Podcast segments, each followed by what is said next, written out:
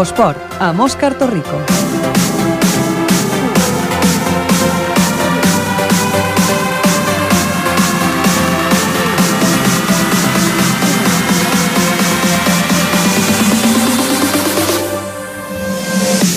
Molt bona tarda. Efectivament, un dilluns més estem aquí a l'equip d'Infoesport per explicar-vos l'actualitat esportiva. Des d'ara i fins a les 8 del vespre us parlarem del que ha passat durant el cap de setmana i fins i tot també d'alguna cosa que no ha passat. Ja ho escoltareu. Primer de tot, el que farem, com sempre, és fer el repàs dels marcadors perquè sapiguem doncs, els números de la jornada ha donat de si aquest dissabte i diumenge. Comencem. El marcador. I ho farem de la mà de la nostra companya, l'Ester Catalana. Ester, bona tarda. Bona tarda, Òscar.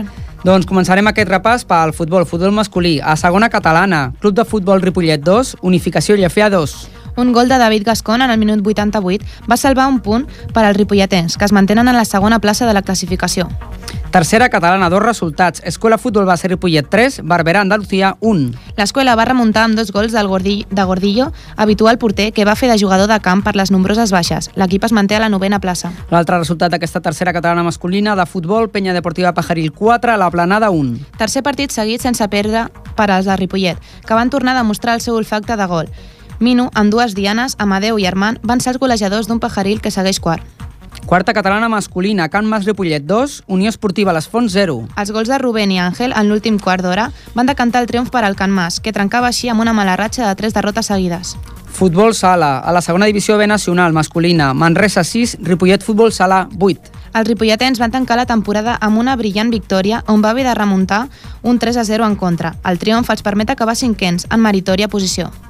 Tercera divisió nacional, Parets 9, Ripollet Futbol Sala B 3. Una dolenta primera meitat va condemnar el segon equip de futbol sala, que segueix sense guanyar lluny del pavelló Joan Creus.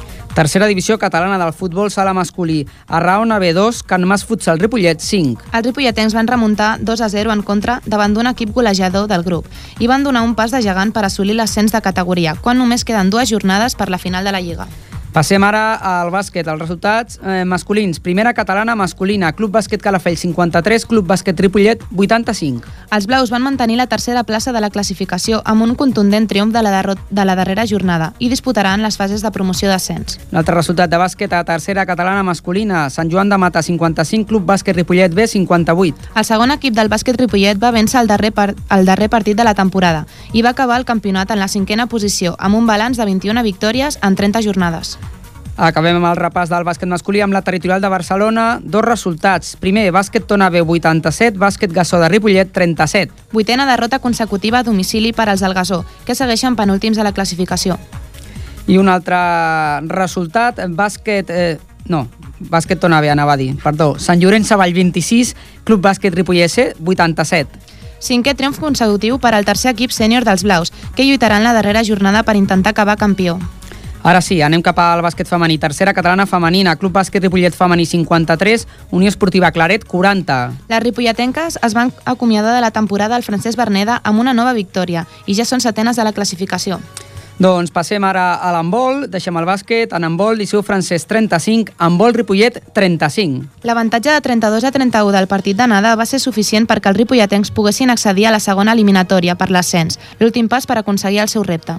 I acabem aquest repàs dels marcadors del cap de setmana amb els escacs. A la segona provincial, escacs Pallejà 2, escacs Ripollet 4. Els ripolletens es van proclamar campions nacionals de la categoria, en imposar-se clarament a la final al conjunt del Baix Llobregat, el que el que només va cedir una derrota i dues taules. Una cirereta magnífica per a una temporada en la qual s'ha aconseguit l'ascens. Doncs moltes gràcies, Esther Catalán. Tu, Ens retrobem d'aquí una estoneta. A tots vostès us animem a que continueu aquí a, a escoltant el nostre programa, l'Infoesport, perquè us explicarem moltes d'aquestes coses que us hem resumit en titulars, doncs aprofundirem una mica més perquè sapigueu doncs, com ha anat aquest cap de setmana. Vinga, comencem. Amb vol, amb vol, amb vol.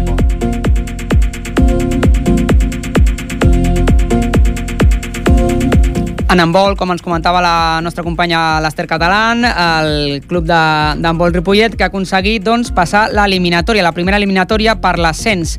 El club que, que ha aconseguit un empat a 35 a la pista del Liceu, com amb l'anada el resultat va ser 32 a 31, doncs els ripolletens que passen ronda. Per parlar-ne tenim a l'altre costat del telèfon a un dels jugadors del club, el Miquel Parnau. Miquel, bona tarda. Hola, bona tarda. Doncs un, un empat i molt, molt important que val, que val molt, eh? Molt, molt més que una victòria, fins i tot. Pues sí, la veritat és que sí. La veritat és que aquest empat ens ha servit per passar ronda, que és el, ara com ara situats com estem, és el nostre objectiu, intentar pujar, i un empat ens servia. Per tant, vam haver de, vam haver de patir perquè vam anar a la pròrroga, però uh -huh al final ho vam aconseguir. Això t'anava a preguntar. Al final, mira que és difícil, eh? perquè dius, en un partit de futbol encara que 2 a 1, un 1 a 0 es pot repetir, però un 32 a 31 com el de l'anada, que es va replicar en aquest partit de tornada al final dels, del temps reglamentari, exacte, el marcador 32 a 31, com, com va ser aquest partit? Com... Imagino que, que, que ho veu patir molt, no? Sí, no, la veritat és que nosaltres també a la mitja part vam arribar amb 21 gols nosaltres marcats, eh, per tant es preveia que els gols a favor nostres serien més que 31. Uh -huh. Però la segona part vam sortir, ens vam encallar una mica en l'aspecte ofensiu i només van fer, tot, van fer 10 gols, 11, que va, que va suposar empatar exactament el mateix resultat, que com deies és, és complicat amb l'embol això. Mm. Ells es van, tancar, es van tancar molt o, o bueno, ho veu saber bé doncs, trobar la, la porteria a la primera meitat? Com va ser? Sí, no, la primera, apartat, la primera meitat ens van defensar una mica oberts i això amb un 5 se'ns va fer que trobéssim bastants espais i mm. tots els xuts que xutàvem entraven a, a gol. A la segona part es van tancar més a un 6-0 i bueno, poder els nervis, al final nosaltres fallàvem xuts, no, no aconseguíem entrar a la pilota, ells ens, es van acostant al marcador, es van acostant fins que es van créixer i al final, mira, al final amb un gol de falta quan ja a temps parat ens van aconseguir empatar i això va suposar la pròrroga. Mm -hmm. Déu-n'hi-do, eh? Quin patiment. Sí, no, no, la veritat és que vam suar. I en aquesta pròrroga, què passa? Aconseguiu, doncs, emportar-vos-la del vostre costat, aconseguiu fer un, un 4, sí. un, un 4 a 3. Mm. Sí, sí, sí. Com, com van ser aquests minuts extra? Quan, vam, quan ens van forçar la pròrroga, la veritat és que ens van, ens van deixar anímicament tocats perquè vam anar tot el partit per davant, la classificació ja gairebé les estàvem tocant, mhm. -huh. al final a temps parat vam, vam arribar amb el marcador empatat, ens van marcar la falta i, i vam acabar tocats al partit. Però llavors a la pròrroga ens vam saber concentrar, ens vam saber posar per damunt i, i mira, el, va caure al nostre costat gràcies a la concentració i al, al treball realitzat per l'equip. Mm -hmm. Mira que, que és difícil, no?, també tornar en aquesta concentració després d'haver tingut el partit a les mans i que en una jugada ja amb el temps parat, amb el temps acabat, sí, eh, sí, sí. una falta... Què, què, pen, què penseu en el moment? Què vas pensar tu en aquell moment abans de, abans de que es llancés la falta? Pensaves que realment podria passar? Perquè realment era dir, no. repetir una altra vegada l'altre resultat. Com pot ser? Ens, com, ens ho farà? Sí el, la, la pròrroga, la veritat és que abans de començar el partit no, no, no s'ho esperava ningú. O sigui, amb, uh -huh. amb, amb vol una pròrroga amb, amb un partit d'anada i tornada és, bueno, és, molt, és molt complicat, com uh -huh. és amb el futbol encara, però amb vol és molt complicat. I quan es va acabar el partit i la, amb el xut de falta, bueno, o sigui, mm, mm, en principi és complicat també marcar un gol de falta a temps parat. Però, mm. bueno, el, el seu xutador era molt alt, ens va superar per anar a la barrera i, mira, i el porter estava una mica tapat per la barrera i tot, i quan passa de la barrera és, és complicat pel porter veure la pilota. Mm -hmm. I al final ens, va entrar i, bueno, sí, jugades que passen, però no ens va suposar la derrota, sinó que una pròrroga que ens va fer créixer com a equip i que, bueno, que ara hem viscut una, una cosa diferent que segurament que molts dels jugadors no han viscut, una pròrroga amb vol. Mm -hmm experiència, no? Que, el que sí. diem, no? que es va aprenent de, tot, de totes les coses que, exacte. que passen. I ara exacte. falta una segona eliminatòria perquè pugueu aconseguir l'ascens. Uh, aquesta promoció consisteix en dues eliminatòries, la primera superada, a la segona eliminatòria us espera el Vilamajor B, un sí. equip que, que ho, ho va fer bé durant la, al llarg de la temporada regular. Sí, sí, la veritat és que segons la classificació són superiors, en teoria, perquè han quedat més amunt. Nosaltres som l'únic equip que, que veníem del quadre inferior que ha superat la, la primera eliminatòria. Mm -hmm. Per tant, se suposa que som els més, els més dèbils, però bueno, això no vol dir res. I el Vilamajor sí, són un equip molt dur. Aquest dissabte juguem a fora, tenim, tenim el factor pista a favor, que, que és un gran punt, això. Mm -hmm. I intentarem aquest, aquest cap de setmana aconseguir un, un resultat favorable per poder encarar el partit de tornada a Ripollet amb, amb bones expectatives. I què seria un, un resultat favorable, Miquel? Perquè durant la temporada us ha costat molt fer bons resultats fora de casa. De fet, esteu en aquesta Sí. segona eliminatòria i heu aconseguit l'ac- l'accés a aquesta promoció d'ascens amb només dues victòries en tota la temporada a domicili. És a dir, que, Sí, sí. que us ha costat tirar endavant aquests partits fora de casa. Com, Exacte. com ho veus al partit d'aquest cap de setmana? Home, jo crec que aquest partit no té res a veure amb tota la temporada, ja que Mm. és quasi, quasi cara ho creu, ara sí que ja, ja és l'últim l'últim assa- l'últim l'últim assalt abans de, de poder aconseguir l'ascens i, i no té, com deia, no té res a veure amb, amb, amb la lliga regular. Durant la lliga sí que ens ha costat molt, teníem, a, a fora de casa teníem algunes baixes i, i sempre ens ha costat tirar els partits endavant. Però Mm. espero que aquesta setmana tots posem del nostre, la nostra part i sigui un partit com si juguéssim a casa amb la mateixa concentració, amb les mateixes ganes i, i ja estem, ja ho tenim això. Què podria ser un bon resultat davant d'aquest equip? Un, home, Perdre de poc? Eh... No, home, intentar guanyar. O sigui, sempre s'ha d'intentar guanyar. Perdre de poc, òbviament, si veus que no, que no es pot, doncs intentar això, mantenir la mínima diferència possible. Mhm. Però, òbviament, es pot guanyar. O sigui, no, no tenim que donar ja per perdut el partit de fora. Els jugadors imagino que esteu molt, molt contents i, i, i fins i tot amb ganes de que arribi a aquesta última eliminatòria, no? Imagino. Sí, sí, sí, tant i tant. Sigui, vam acabar el partit tots molt eufòrics i, i com dius, tots estem ja amb, amb ganes de, de que arribi el dissabte per poder començar a, a demostrar que podem pujar. Molt bé. Miquel Parnau, doncs us desitgem eh, molta sort en aquesta darrera eliminatòria per intentar aconseguir l'ascens, un repte que, que al principi, al principi de temporada potser l'equip doncs, no es plantejava tan clarament perquè, perquè doncs, eh, era un equip novell a la categoria, que acabàveu de pujar, però que, que ara està en la ment de tots vosaltres segur i de, i de l'afició i tant de bo doncs, ho, ho pugueu aconseguir. Miquel, tant. moltes gràcies. gràcies. Molta sort. Ens veiem. Adéu. tarda. Esteu escoltant Infosport.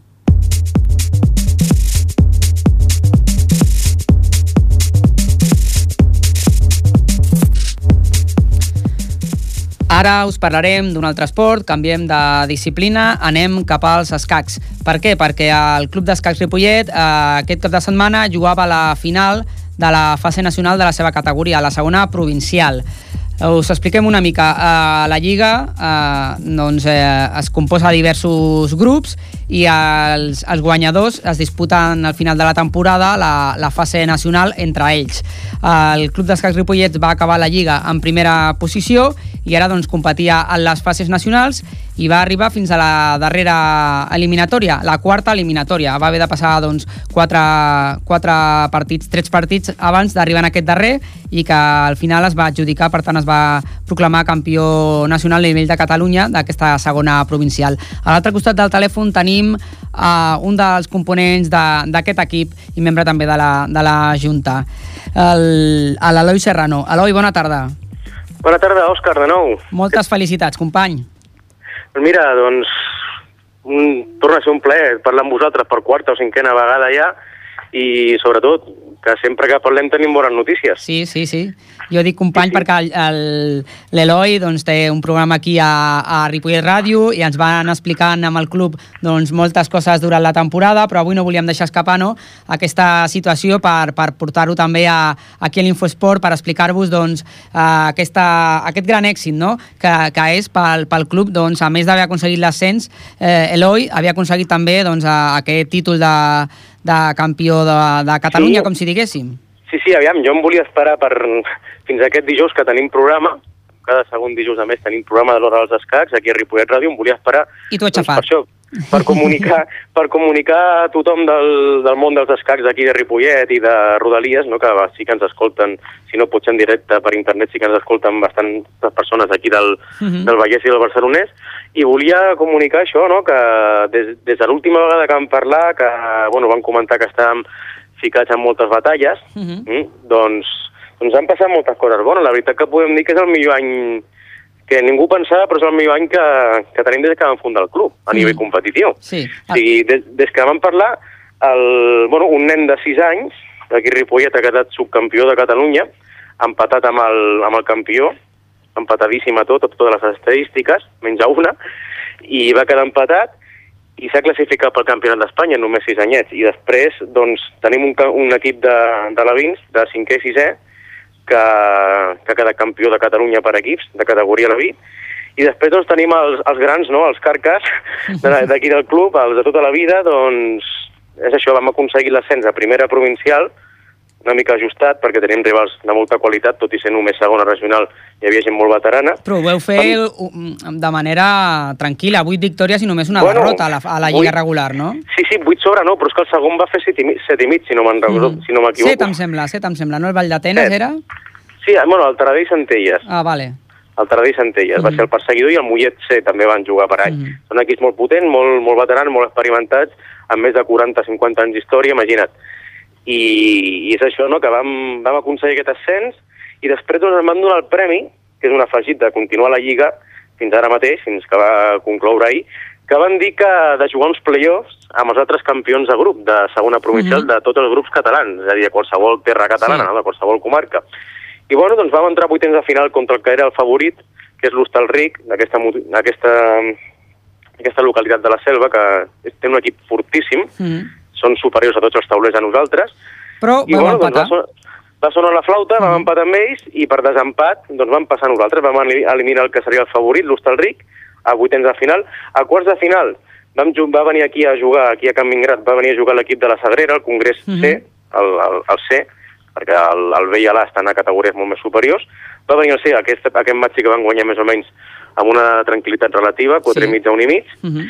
I després als semifinals doncs, va venir l'altre gran favorit, l'Argentona, en, entre els quals a la seva plantilla té fins i tot mestres titulats, no? amb, Mm. amb un nivell elo, amb un nivell escaquístic molt alt. Va venir l'Argentona, el que passa que, bueno, com era pont, doncs va tenir bastants absències, Mm. i això va permetre donar-nos més oportunitats, no? perquè suposo que si haguessin vingut els teoris titulars, doncs el maig ja hagués estat encara més difícil. Mm. No sé si impossible, però més difícil. Doncs això, vam, va venir l'Argentona a jugar aquí a Can Mingrat també, i, i amb una mica de sort vam, Mhm. vam guanyar. Sí. I la final, doncs va ser aquesta, aquest diumenge passat, va ser ahir, a Pallejà, Mm. un equip que és molt amic nostre, bàsicament perquè es va fundar el mateix dia que nosaltres, aquest club de Pallejà, Déu-n'hi-do. allà el, el Baix Llobregat es va fundar el mateix dia, han pujat de categoria les vegades que nosaltres hem pujat, han baixat quan hem baixat nosaltres, i és això, o sigui, és un equip... Vides sort, paral·leles. per- Sí, sí, perquè el primer tauler també té el mateix nivell que el primer nostre, el segon al mateix nivell que el segon nostre i així fins al sisè tauler. Mhm. O sigui, és una, és una, és una, una bogeria, és, és com un mirall.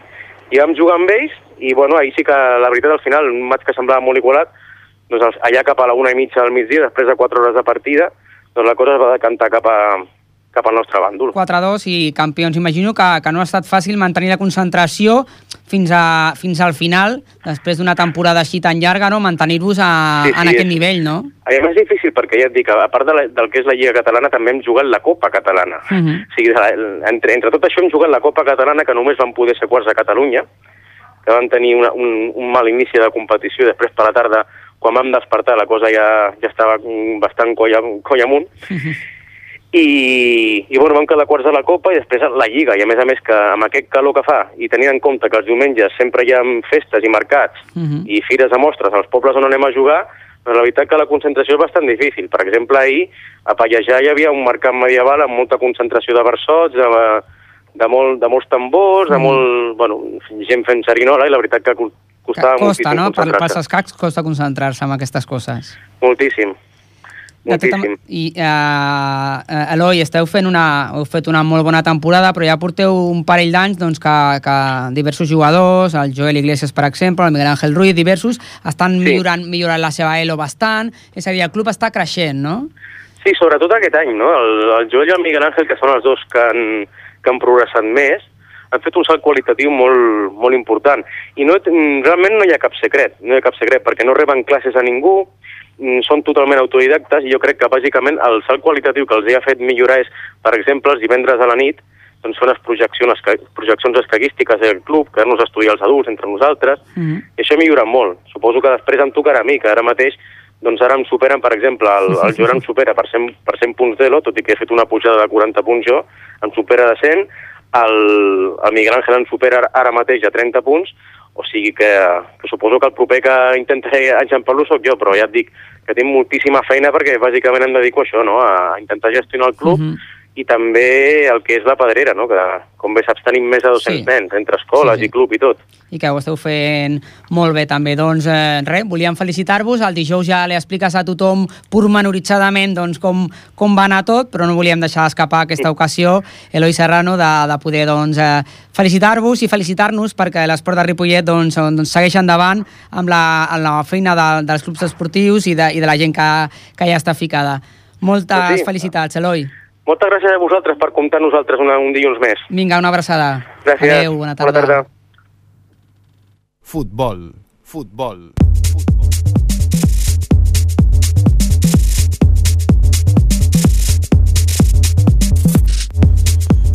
Doncs ara parlem d'un altre esport, el futbol, i per això tenim aquí el nostre company, el Manuel Barón. Manuel, buenas tardes. Hola, buenas tardes, Oscar. Que ens parlarà del resultat del club de futbol Ripollet aquest cap de setmana, un empat a dos contra el Jafia aquí a casa, però que, malgrat aquest eh, sotrac, doncs l'equip doncs, continua a la segona posició. Manuel, Pues sí, Oscar, como tú bien has dicho, un empate a dos. Y bueno, este pasado domingo, pues el, el Ripollet, que dirige Juan Carlos Torres, jugaba en casa contra el Jefia. El equipo del Ripollet se ponía por delante a un minuto de llegar al descanso, por medio de un gol que marcaría José Manuel Aznar. En el segundo tiempo, el Jefia eh, consiguió no solo eh, el empate, sino darle la vuelta al marcador y ponerle las cosas más difíciles al Ripollet, poniendo más tensión en el partido. Pero David Gascón, a dos minutos del final, pondría el empate en un partido intenso. Después del, buen balance eh, de ocho victorias que llevaba el Ripollet, vuelve a cosechar un segundo empate y se queda a un margen de dos puntos mm, de diferencia del tercero, que es el Premia. Eh, precisamente el Premia es el equipo eh, contra el que se enfrenta esta próxima semana y que esta semana había perdido.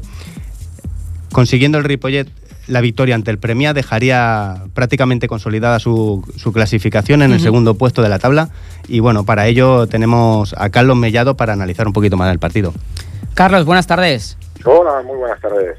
Que, ¿cómo, fue, ¿Cómo fue este partido? La verdad es que mm, casi que uno ve los dos resultados últimos y dice tropiezo, pero luego resulta que, que estáis ahí todavía en segunda posición y con dos puntos de ventaja sobre el siguiente clasificado. Bueno, sí que es cierto que las dos últimas jornadas, a la clasificación eh, y el balance de victorias que llevábamos, podría uno pensar que, pues bueno, a lo mejor después entra el vértigo y demás, ¿no? Lo que sí que es cierto es que, bueno, que cada en esta segunda catalana, en este grupo, cada partido es, es una guerra, cada partido es una historia y cuesta y cuesta muchísimo ganarlo. Eh, este domingo contra Yefia, pues bueno, la verdad es que hicimos una, una primera parte, la verdad que, que, que de las mejores que recuerdo, incluso gozando de cuatro o cinco ocasiones claras de gol. Al final del descanso so- solamente nos vamos 1-0 y te digo solamente porque a lo mejor tranquilamente nos podríamos haber ido con, con un 2 o, o un 3-0 en el marcador. Sí que es cierto que, que en la segunda parte, pues debido al calor, debido a que el rival también apretó, se nos puso bastante complicado con 1-2 en contra. Mm, Se pudo meter un gol al final que nos dio un puntito que a la postre, que a la postre sería, sería bueno porque Premia falló. Sí que es cierto que se mete, se mete también San Juan Moncada por ahí, que está a tres puntos y con el que tenemos el gol particular eh, perdido, ¿no? Pero bueno, dependemos de nosotros mismos y te digo la verdad, ahora mismo no me cambiaría ni por Premia ni por San Juan Moncada. Eh, la verdad que, Carlos, eh, cada partido, ¿vosotros cómo lo analizáis a partir de ahora? ¿Es más físico o más bien eh, tema psicológico? Yo creo que, y a las, alturas de la temporada que, en la que estamos, eh, la clasificación, eh, igual que siempre en un partido normal te diría que, es mejor, más, más cabeza que corazón, en este te diría que estamos eh, 50-50. La verdad es que todos los miembros de la plantilla tenemos una, unas ganas locas de que la temporada que abre pare como está. Es decir, quedar segundos y poder al menos eh, tener esa opción de promoción que, te daría la posibilidad de jugar o de volver a primera catalana. Pero lo estamos tomando como una final eh, cada partido realmente. Lo que pasa es que sí que es cierto que pues eh, que es difícil. Eh, ese bagaje de a lo mejor 80% cabeza 20% corazón pues ahora un poquito está más nivelado no por por la por las emociones y la y la sensibilidad que tenemos ¿no? cada uno a la hora de afrontar el partido. Claro, la pregunta era por eso, ¿no? O sea, ¿vosotros veis que cada partido os está costando más o se os está haciendo más largo de lo normal? No, no, no, no, no, creo que sea una, cosa de que se nos haga cuesta arriba porque mm, igual que te digo pues que el año pasado a falta de seis jornadas pues no nos jugábamos nada y te puedo decir que es de lo más triste que puede suceder en una temporada de fútbol eh, yo firmaba a principio de temporada estar como estamos ahora, estar eh, optando, opciones claras, estamos segundos, eh, pero como te decía antes, a ver, los rivales también juegan y lo que nos pasó pues este domingo concretamente es que no supimos eh, matar el partido en la primera parte y luego pues un error defensivo en una marca, en una falta lateral, de estrategia pues por parte de, de que es un muy buen equipo, de los mejores equipos de la categoría, y luego pues con un poquito de fortuna también un chute que, que, hicieron desde la frontal que rebotó en un jugador nuestro la defensa pues les hizo ponerse con el modos en, eh, a favor. A partir de ahí, ya te digo, eh, ahí sí que tiramos, en, ese, en esa fase de partido sí que tiramos muchísimo más de corazón que de cabeza, tú, teniendo la suerte de, de, poder empatar a falta de dos minutos, incluso gozando de una tercera, bueno, de una última oportunidad que nos hubiera podido dar el tercer gol y, y a la postre la victoria y hubiéramos puesto pues bastante tierra de por medio. A falta, perdón, a falta de tres jornadas eh, para, com para completar lo que sería ya eh, matemáticamente lo que sucediera. Eh, vosotros tenéis que enfrentar ante, ante, el Lloreda, ante el Lloreda el equipo Ja Club y sobre todo esta próxima semana ante ese rival directo que es el Premia, ¿no? O sea, eh, dos partidos de ellos se juegan en casa, uno es ante el Premia, que es el próximo. El factor campo mmm, puede, puede serlo todo para nosotros. A ver, nosotros es un campo eh, en casa que nos sentimos cómodos porque es un campo muy muy grande, o sea, mejor vosotros que nadie lo sabéis, eh, es un campo donde se puede practicar buen fútbol, no tiene nada que ver con otros campos que, que pues que son por, por mm, tamaño, dimensión, pues eh, te impide elaborar ese juego que a nosotros nos gusta, que es de control de balón, alternando también juego con juego largo y juego directo. O sea, pero sí que es cierto que ya, ya hacíamos este bagaje, este bagaje de las últimas jornadas, que realmente de los cuatro últimos partidos, tres eran en casa y uno fuera. Y campo de equipo Ja, el equipo Ja siempre es complicadísimo y además eh, están en, en, un momento dulce, sí que es cierto que no se juega en nada, pero, pero es que es que como decía, tampoco se juega en nada y no te puedes fiar de nadie. Tendremos que ir a practicar nuestro fútbol. De los tres partidos que quedan, dos son en casa, el importantísimo es este contra Premia, uh -huh. eh, donde puede quedar más o menos resuelto también en función de, de matemáticamente todavía no, porque matemática, matemáticamente todavía es pronto, pero casi, pero... casi, porque cinco, cinco, puntos con seis en juego, la verdad es que sería una, una cosa pues ya sí, bastante sí. sólida. Sí, pero si gana San Juan, sí a sí, tres. Sí, ellos siguen a tres, sí. Eh, exacto, o sea, es que no, es que sí que es cierto que es premia el, el inmediato perseguidor, pero, pero tenemos que tener un ojo puesto también en San Juan.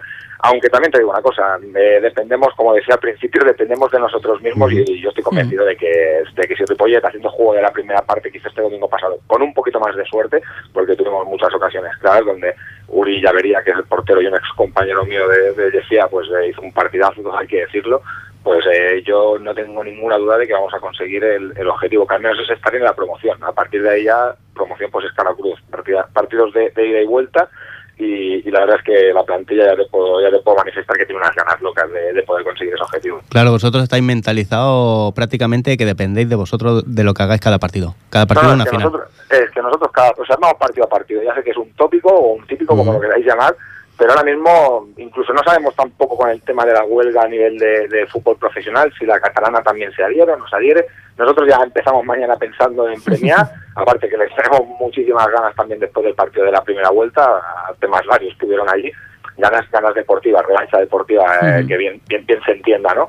Y, y, a partir de ahí, pues eh, sí, a Premia si lo ganamos este domingo son cinco puntos, vemos lo que hace San Juan, pero ya centrarnos en equipo J, que será muy complicado también. Pero no, no va a ser fácil, ¿eh? este partido de Premia es un equipo que se ha demostrado muy sólido, aunque últimamente a, le ha costado un poquito más, pero, pero que es un equipo que ha estado ahí toda la temporada.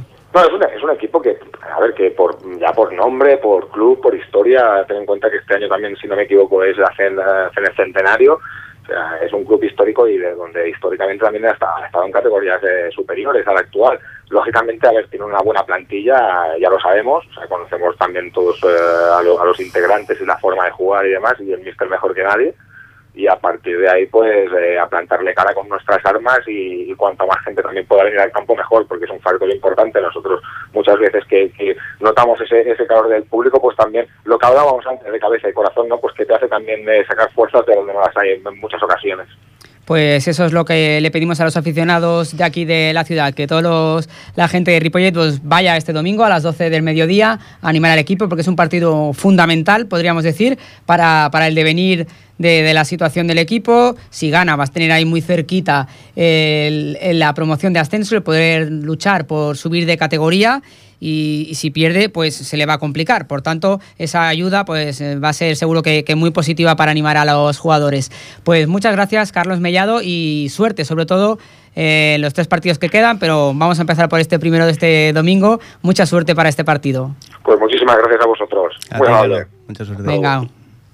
Gracias, Manuel. A ti, Oscar. Hasta luego. Adeu. Bàsquet. Bàsquet.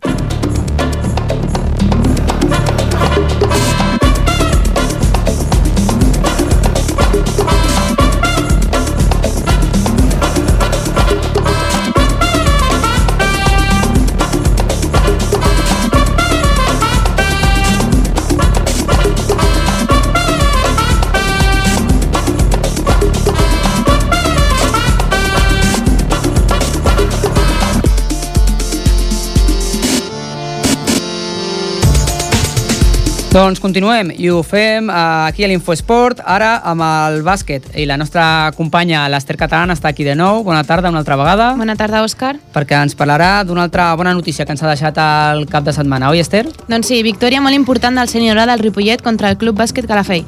Aquest cap de setmana els blaus van aconseguir la victòria que necessitaven per quedar tercers i assegurar-se les fases d'ascens a Copa. Tot i que el primer quart va costar una mica més, els blaus van estar, donant el ritme, van estar dominant el ritme que volien al llarg de tot el partit. El primer quart els van fer marxar amb un més 7 al marcador. El segon quart, però, van anar més a, més a ratxes, van aconseguir pujar la intensitat i la velocitat fins a marxar de 15. Tot i això, un parell de pilotes perdudes i unes males defenses van posar el rival a només a 5. Amb això, els van fer arribar a la mitja part amb una diferència de 7 punts al marcador. A partir del descans, els de l'Altimira van posar les cartes sobre la taula. No volien una derrota com la del partit d'anar de casa. Per això, a partir del tercer quart, els ripolletens van augmentar la intensitat amb un joc molt més fluid i una defensa més activa amb, encert, amb més encert al tir exterior. Tot, i, tot això els va fer marxar amb un més 20 als darrers 10 minuts. A l'últim quart, els blaus es van dedicar a jugar, a divertir-se i fer gaudir a la grada, amb un bon joc que els va posar a un, amb un més 32 al marcador final. Tenim amb nosaltres Albert Ortega. Bona tarda, Albert. Bona tarda. Bona tarda. Què implica aquesta tercera posició? Bé, la, la tercera posició, tal i com vau explicar vosaltres mateixos la setmana passada, implica em, moltes més probabilitats d'assolir aquest ascens a, a Copa Catalunya que no pas si haguéssim quedat quart, possibilitat que, que hagués passat si haguéssim perdut aquest diumenge, no? Tot i que a priori podia semblar un partit intrascendental doncs, doncs no, no ho era. Eh, bé, doncs, implica això haver de jugar contra els tercers dels altres dos grups i, i que si guanyem aquesta, aquestes fases de cap de setmana i, o quedem segons, tenim assegurats la, la plaça de Copa Catalunya. Si quedéssim tercers ja estaríem pendents de possibles renúncies i històries vàries que, que no depenen de nosaltres directament. Mm. Estem parlant de que serà un, un triangular, com Mm. si diguéssim, no? entre tots tres equips, dos partits per tant per cada conjunt, que jugaran divendres, dissabte i diumenge en principi, i, i en el que doncs, ja sabem els vostres rivals. Oi, Esther? Doncs sí, si no m'ha- bueno, si no m'equivoco, dissabte a les 7 jugo aquí al Berneda contra la S i diumenge a les 6 a la Bisbal contra el Club Esportiu La Bisbal. Exacte. Viatge llarg, a la Bisbal d'Empordà, eh? Sí, no esteu no. acostumats a aquests viatges tan llargs, no? Potser aquesta temporada? Bé, n'hem fet un... Bueno, a Girona no hem anat, però sí que ens ha tocat 3 o 4 d'una horeta. Mhm. Bé, ara ja, a aquestes alçades, si jugant el que en juguem, la distància és el de menys. Mhm. Però no, no, no passa una factura, una mica d'haver d'anar tan lluny, haver de fer amb temps i tal, o no? Jo crec que el que pot arribar a passar factura una miqueta és, haver, és, és em, el partit previ, el partit de dissabte. Mhm. No sé què ens suposarà l'esforç, no sé com anirà, i potser físicament anem una miqueta més marmats. Òbviament seria més fàcil jugar aquí a prop, a prop que no, no anar a Girona. Però ja et dic, és l'últim partit de Lliga, no n'hi haurà més, per tant, anem amb tot aquí. Com veus aquests dos rivals? Bé, no, no, no els conec absolutament de res, de res. La, de la Bisbal n'hem vist algun vídeo així que ens hem passat pel, pel WhatsApp que tenim l'equip i, i de l'ES l'únic que conec és que fa un parell de temporades, és un equip una miqueta veterà i fa un parell de temporades estava, estava jugant a Copa Catalunya també, Sí. però ben, ben poca cosa conec. Efectivament, repassem una miqueta el que sabem nosaltres, a veure si l'Albert ens ajuda també a analitzar aquestes dades. S, com deies, fa dues temporades va, va baixar de Copa Catalunya i aquesta temporada doncs, se li ha donat molt bé els partits fora de casa. Ha guanyat 11 dels 15 partits disputats fora de casa, és a dir, que és un equip que, que mm, pot jugar amb pressió fora de casa i, i bueno, és el que us trobareu aquí, no? que us farà la visita a aquest equip i que, que se, li agrada i sobretot Esther, que ha guanyat els últims 5 partits de, de la competició de Lliga, és a dir, que ve entonat. Mm. Mm, I a la segona volta només ha perdut 3 partits. Bé, bueno, està la mateixa dinàmica que nosaltres. Nosaltres mm. també n'hem perdut 3, em sembla, i venim guanyant els últims 4 o 5, guanyant a tots els de dalt, hem guanyat a tots els equips com a mínim una vegada. Bé, jo no sé a quins camps han visitat, però el Bernet de ple és molt, molt difícil també. Mm -hmm. És la millor defensa de, del seu grup per això, eh, la S? És a dir, que, que és, un, és un equip que, mm. que aguanta en, de, en defensa. Vosaltres sou dels, dels més anotadors, també s'ha de dir, no? Sí, són dels més anotadors i la defensa que tenim tampoc és dolenta, per tant, és que és que estem jugant contra equips bons però, però consagrats a distant on s'han merescut després de 30 jornades per tant que no és un Mhm. tema de part sort que en un moment donat estigui en aquesta posició no, no sinó hi ha una regularitat i tenen un nivell per tant són partits dificilíssims Mm -hmm. I, a, I a més el que dèiem, no? els, últims, els últims cinc partits se l'han guanyat, estan enratxats, això també eh, a, a, passa moltes vegades no? en el bàsquet o, i en molts esports, no? que quan agafes una bona dinàmica mm. estàs, mm, doncs, et surt tot tal, i, i això també pot ser un perill, no? Sí, bueno, també juguen el primer partit divendres a casa, Mhm. potser hi ha nervis, potser el perden i venen aquí tocats una miqueta dissabte. Eh, Poden passar mil coses. Clar. L'altre rival, Esther, ens expliques una miqueta doncs, eh, sobre la Bisbal, el Club Esportiu Bisbal de Bàsquet? Doncs sí, so, porten 20, 20 victòries i 10 derrotes. També són els quarts en atac i La setena, la setena millor, defensa. defensa. Aquest Vull dir, aquests un- en defensa Mm, No és un equip tan, fluix. tan destacat, no? El que sí que és important Mai és que és un equip Copa. que mai ha estat a Copa, no, Esther? I Sí, pot que ser un això equip més també assequible. pot ser un, un conjunt més assequible per, per vosaltres, no? Bé, aquest, aquesta última dada per mi és totalment insignificant perquè que històricament el Ripollet sí que ho hagi estat no vol dir que els seus components Ara- sí, sí que ho hagin estat. Però per tu, tant. per exemple, sí que has estat jugant a Copa. Sí. I hi ha alguns altres jugadors del, del Ripollet que sí que, Mm, sí, que bé, també han estat. hem estat en temporades anteriors a, a, a Copa, però no, no, no, no suma gaire això a l'hora de, de disputar un partit. Mhm. Ben, poca cosa. Potser sí punts a favor i en contra, sí, però tampoc sabem el nivell general del grup en el que han disputat. Potser és una miqueta més fluix que el nostre o al contrari, no ho sabem. Mhm. És, En el cas de la Bisbal, és un equip que en aquesta segona volta ha guanyat 9 partits i ha perdut 6, és a dir, no està en, Mhm. tan, bona, en tan bona línia com vosaltres i com, i com la S. Bé, mm, sí, però també et dic que es van jugar... Es van jugar l'accés a l'últim partit amb a, l'Ipsi. a Barcelona i el van guanyar amb tot el pavelló Sí, ple sí. de l'Ipsi. Vull dir que al final, és que són finals, són partits Sí. finals, són un premi a tota la temporada i que tu enfrontes com a, tu prens com una final i ja està. Vale, eh, Albert, en el cas de que aconseguíssiu l'ascens a Copa, Mm. què creus que implicaria això pel club? Econòmicament, també parlant. Bé, eh, veure, matematitzar que eh, la- l'ascens a Copa està assolit. Simplement ara és, la, les, és la proba, les probabilitats que tenim a, a estar-hi allà l'any vinent. Bé, eh, tenim... Econòmicament el club està força, força malament. força malament vol dir que, que necessitem sponsors, que necessitem ajuda de qualsevol tipus i de, i de qualsevol persona. Hi ha un augment, hi ha un augment en quant a arbitratges, em, quotes, perdó, quotes, em, despeses de, de fitxes, suposa, és dir, hi ha un increment de potser uns 3.000 euros respecte a aquesta temporada. Mhm. Eh, és complicat, és, és un esforç molt important, és un esforç molt important. Necessitem a gent que ens ajudi, necessitem a gent que vulgui ajudar també econòmicament. És, és complicat, és una cosa que s'ha de valorar i s'ha de començar a valorar un cop passin les fases aviat. Suposaria, doncs, Mhm. doncs fer un pensament, seure tots els que manen allà i dir si, si és viable o no. Mm. La veritat és que des d'aquí també animem a moltes empreses de la ciutat no? que, que ja comencen en aquesta situació difícil que han passat els últims anys, doncs potser comencen a, a veure una mica una millora, doncs que si poden doncs que, que, que, recolzin els clubs de la ciutat perquè la veritat és que són una, una gran finestra per, per molta gent, perquè estan rulant per molts camps durant, molt, durant cada cap de setmana i estan donant una, una promoció a través de, doncs, de les seves samarretes i, i d'estar allà per tot arreu, per diferents jocs de Catalunya, doncs una promoció mo molt bona per aprofitar per, per empreses i, i organismes. Eh, sobretot el, el que és més important, com us veieu per, a que, per a aquesta eliminatòria? És una eliminatòria difícil, dos partits en dos dies, Mm, com arribeu vosaltres? Com creus que arribeu? Físicament arribeu bé? Eh, mentalment, imagino que sí, perquè heu tingut un final de temporada molt bo.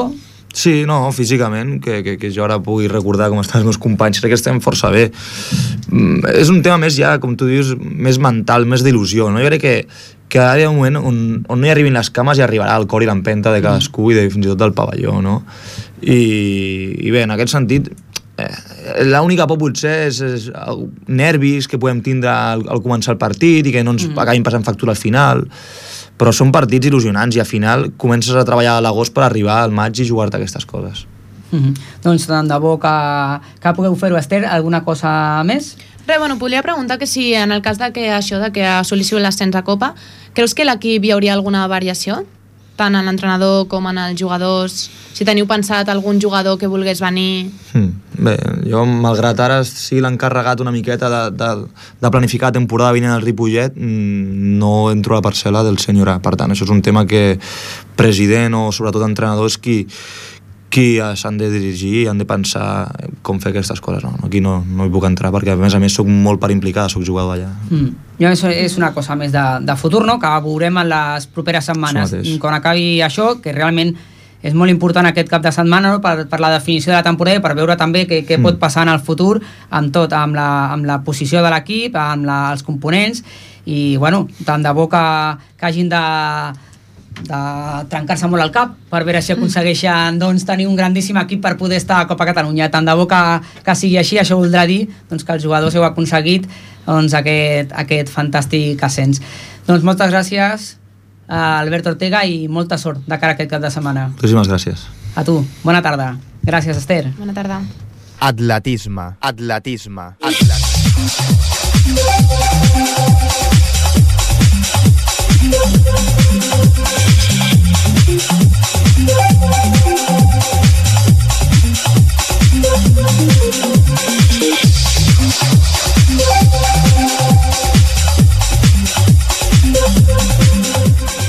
Doncs parlem d'atletisme, perquè aquest passat cap de setmana, en concret ahir, doncs, s'havia de disputar la milla urbana de Ripollet, una competició de promoció de l'atletisme que organitza la Ripollet Unió Atlètica i a la qual col·labora també el Patronat Municipal d'Esports i la prova es va ajornar doncs, per les situacions de diferències entre el club del Ripollet Unió Atlètica i eh, l'Ajuntament doncs, per, per, per com s'ha portat o com ha acabat la, la construcció de la pista d'atletisme de, del poliesportiu.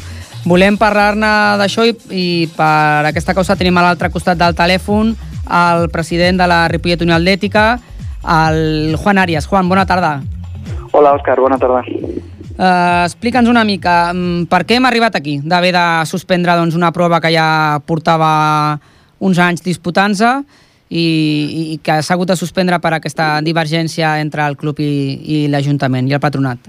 Doncs això ve de juny, perquè eh, eh, ja a finals de l'any passat ens comuniquen l'inici de, les, de, de les obres, el projecte, on és un projecte, evidentment la pista no és del RUA, la pista és una pista municipal que gestiona el patronat i ens mm -hmm. presenta la intenció de fer, de fer aquestes obres i on, eh, on eh, nosaltres demanem eh, que el circuit, eh, fer un circuit exterior per poder fer sèries ràpides, ja que al, al reduir la corda de la pista a 200 metres, els nostres atletes de nivell o d'una edat superior i que necessiten un, fer uns entrenaments ràpids en aquesta pista sense peralta, doncs evidentment patirien lesions i no és una pista convenient per a aquest tipus d'entrenament, amb la qual demanem això. Eh, en principi s'accepta fer-ho, eh, s'inicien les obres i malauradament el pressupost de les obres pugen i el retall en el que es pot fer i el que no es pot fer, evidentment, és el seu projecte es fa, però la nostra petició eh, queda en l'oblit i no es fa com, com vam demanar. Eh, aquí comencem eh, les, les protestes o les negociacions amb ells. La gestió d'aquestes negociacions tampoc ens han agradat com s'han portat des, de, des del patronat, les, les respostes que hem anat rebent de, de part del regidor d'Esports i del personal del patronat municipal d'Esports.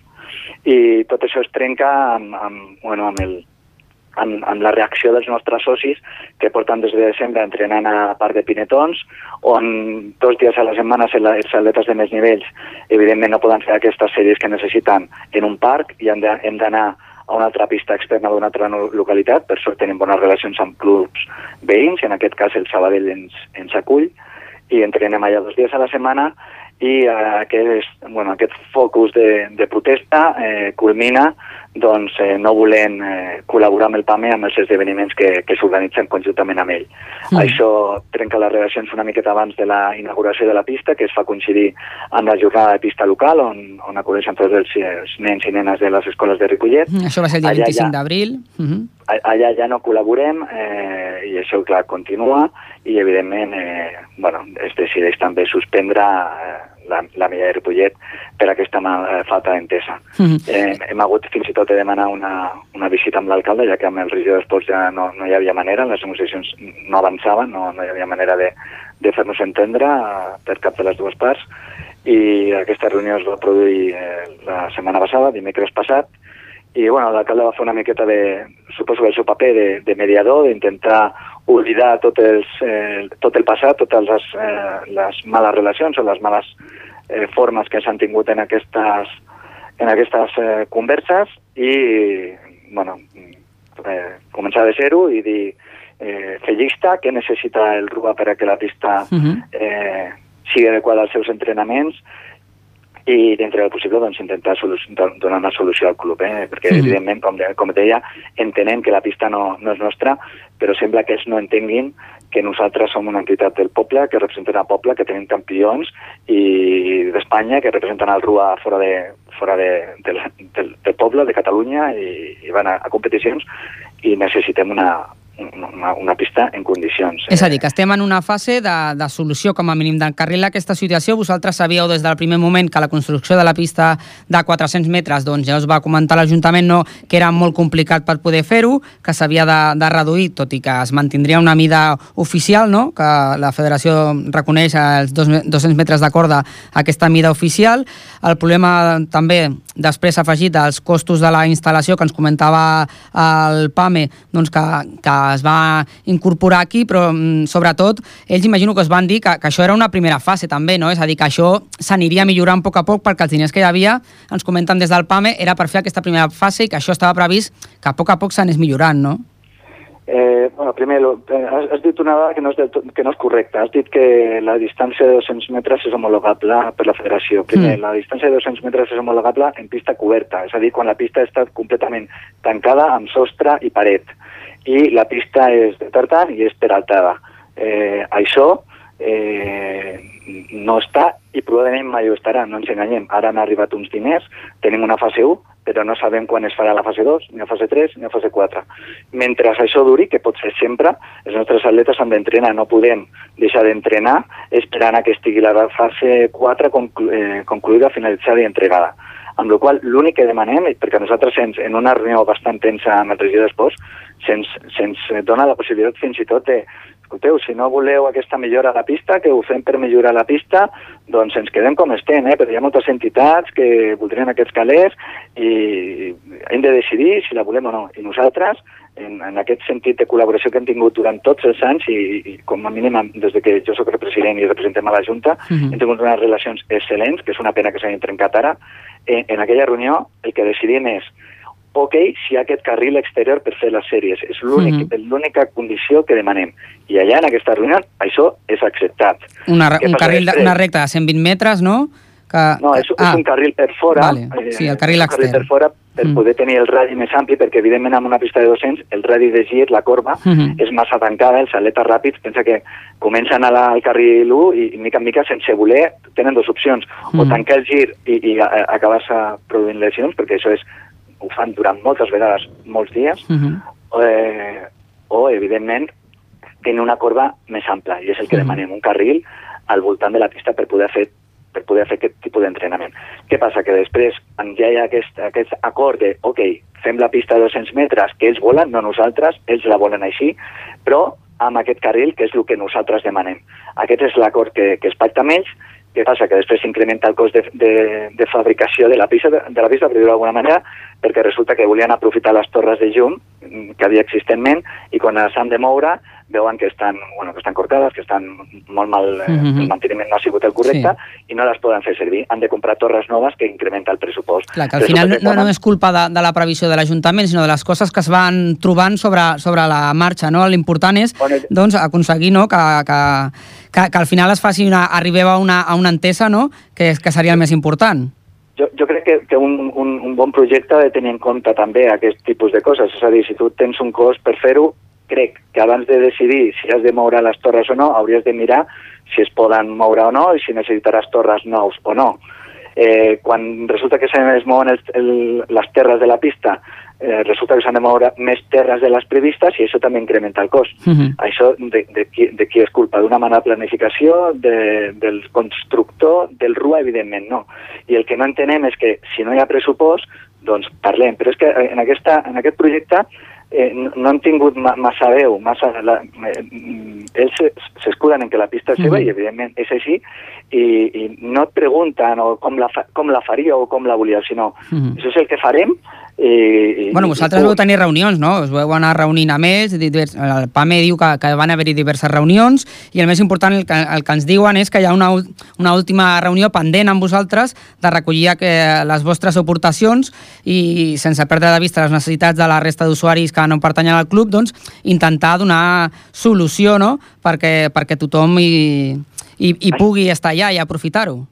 Aquest dic és, és el, el punt positiu que vam treure després d'anar Mm. a parlar amb l'alcalde, eh? perquè Mhm. fins a la visita amb l'alcalde era com, hòstia, havíem arribat a un carrer sense sortida, un punt final, una via, una via morta, de no saber ja com, com, com fer-nos entendre Mhm. de la nostra necessitat. Eh? Fins i tot, eh, clar, els nostres atletes ja han baixat a entrenar a la pista, una Mhm. vegada ha sigut entre, entregada, eh, però continuem havent d'anar amb aquests atletes que et deia que ho necessiten a entrenar fora, amb la qual Mm. nosaltres estem cobrant un, una, uns, unes, unes, eh, Mhm. unes quotes als socis Mm. i estem cobrant eh, tenint en compte que han entrenat aquest any quatre mesos en un parc i que a més estan costejant desplaçaments Mhm. i entrades a una pista a una pista forània, que evidentment durant aquest període eh, provisional el Sabadell ens han acollit de manera gratuïta, però home, això és d'una manera provisional, però si ha de ser mantinguda en el temps, evidentment ni, eh, és que ho, ho volem pagar, o sigui, no volem anar de gorra a entrenar a Sabadell, volem mantenir Mhm. bones relacions i no aprofitar-nos. Però és que et dic, eh, aquesta relació amb el, amb el regidor, tu dius que ens van donar l'opció, i jo et dic l'opció que ens van donar, ens van donar l'opció mm, no agafem els diners, no millorem la pista, i us quedeu amb la pista que teniu, o la fem de 200 eh, i amb el carril. I aquesta va ser la nostra opció. Mhm. Vale? Després, què passa? Que com que s'incrementa el cost, la pista eh, intacta, el seu projecte està intacta. Per exemple, la recta de 110 metres, el RUA no necessita, i crec que Ripollet, et dic sincerament, no necessita una recta de sis carrers tan ampla com els que té de 110 metres. Està molt bé, i no dic que no estigui bé, però mm, si ens haguessin Mhm. escoltat, haguéssim pogut dedicar part d'aquest eh, pressupost d'aquests sis carrers Mhm. de recta doncs, a acabar el que necessitem. Mm. Evidentment, Imagino no que, que, bueno, que, que des del patronat doncs, busquen uh, trobar les, les possibilitats per tothom, no? per al club, per la resta de, de gent que hi pugui fer-la servir, no? i que intenten trobar doncs, a, a aquest equilibri. No? Jo crec que el més important no? és que us heu de seguir reunint i que, i que bueno, des del PAME ens, ens comenten que, que, que s'acabaran de recollir les aportacions i que i sense perdre de vista doncs, eh, que tothom doncs, eh, acabi siguent beneficiat, doncs, que, que, que, que, bueno, que la pista doncs, sigui un espai útil i, i pugui doncs, eh, tirar endavant per l'activitat de, de tothom, de tota la gent de Ripollet, a qui li agrada doncs, a la pràctica de l'atletisme. Juan, moltes gràcies, tant de bo que, molt ràpid arribeu a, aquest, a aquesta solució i que us, pugueu, us puguem veure entrenar allà perquè és el que, el que ens agradaria a tots. Això esperem. Moltíssimes gràcies, Òscar. Vinga, bona tarda. Bona tarda.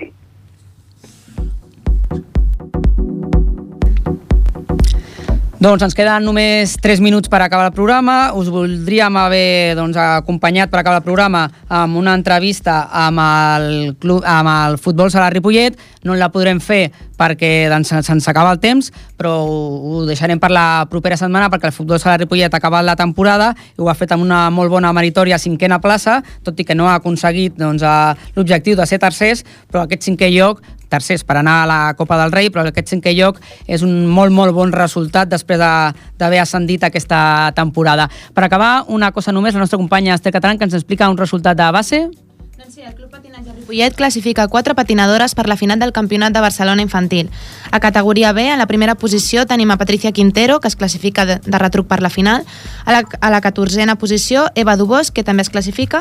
I a la categoria superior, a la A, en primer lloc tenim a la campiona d'Espanya a la vi de l'any passat, Clàudia Aguado, i en sisena plaça, Aina Moliner. Doncs moltes gràcies, Esther. Felicitats també al Club Patinatge Artístic de Ripollet per aquesta classificació de, de quatre patinadores pel, patinadors pel Campionat de Barcelona Infantil.